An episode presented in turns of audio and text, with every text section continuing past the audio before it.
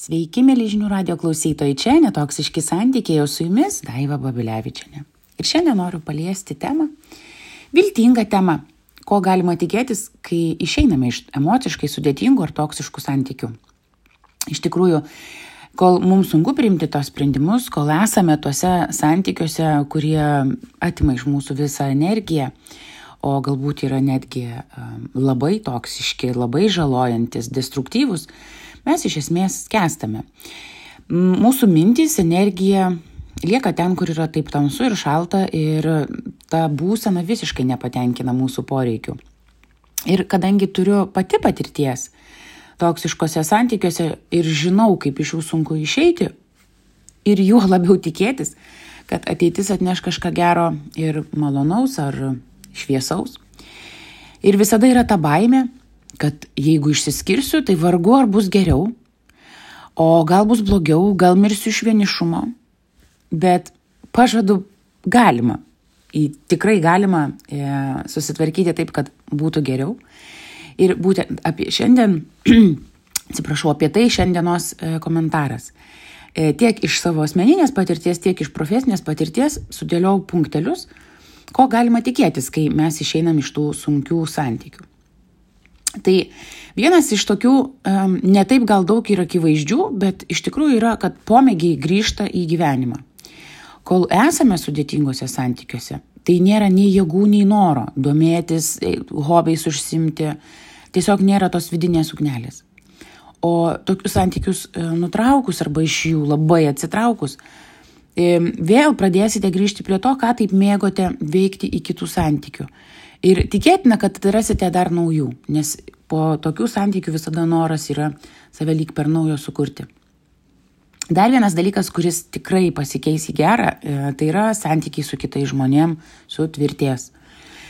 E, žmonės, kuriuos buvote pamiršę sudėtingų santykių metu, jums vėl taps svarbus, o jūs jiems svarbus, nes kol buvote susikoncentravę į sudėtingų santykių sprendimą, um, arba net patys uh, iš kalties ir gėdos jausmo buvot pradėję vengti tų žmonių, tai dabar viskas keisis, dabar jie bus šalia ir jausmas apims tai, kad jie tik ir laukia, kada jūs baigsite tuos santykius ir tapsite laisvi mintimis, um, jausmais ir kūnu.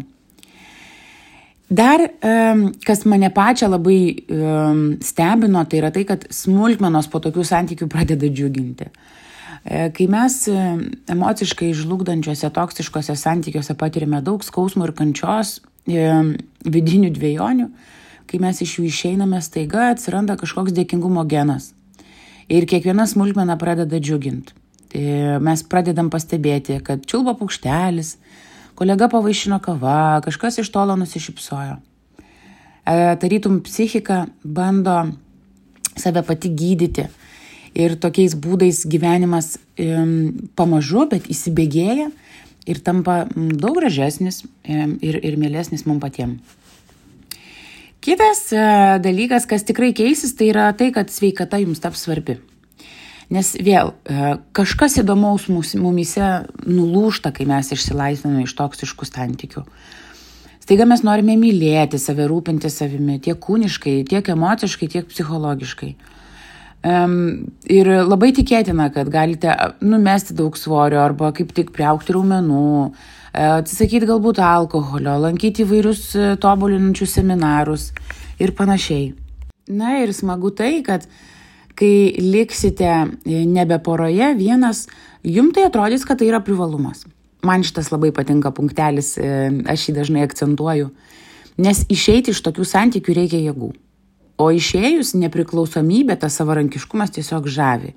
Ir po tokių santykių mums visiškai nebaisu pasakyti, kad mes esame nebe poroje, kad mes esame vieniši. E, ir tuo pačiu tame vienišume yra tarytum žavėjimasi savo drąsa, kažkokiu užbaigtumu, stiprybėje, gal net išmintimi.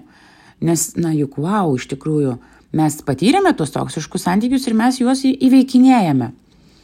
Tai, tai duoda daug labai stiprybės asmenybei.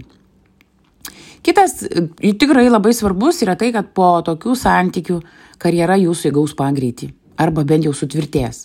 Nes kai išsisklaido tas minčių ir psichologinis rūkas po skaudžių santykių, tikrai atsiranda daugiau laiko ir resursų koncentruotis ten, kur prieš tai jau jautėmės nepakankamai geri.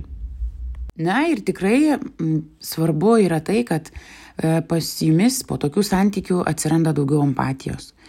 Mes tiesiog imame labiau jausti ir suprasti kitus žmonės, o pasaulyje empatiškų žmonių tikrai trūksta. Na ir galiausiai, bet svarbiausiai, turbūt, kad taip po tokių santykių mes iš esmės imame save labiau vertinti.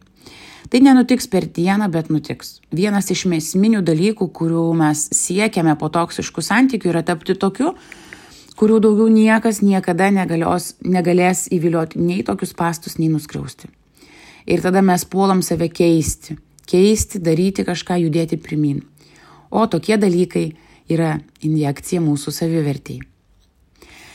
Tad tikiuosi, kad šitie punktai davė jums šiek tiek vilties, e, jeigu aktualu, aišku, įkvėpė, e, kad po emociškai sudėtingų ar toksiškų santykių gyvenimas tikrai gali būti šviesesnis. Čia buvo Daiva Babilevičiane ir netoksiški santykiai.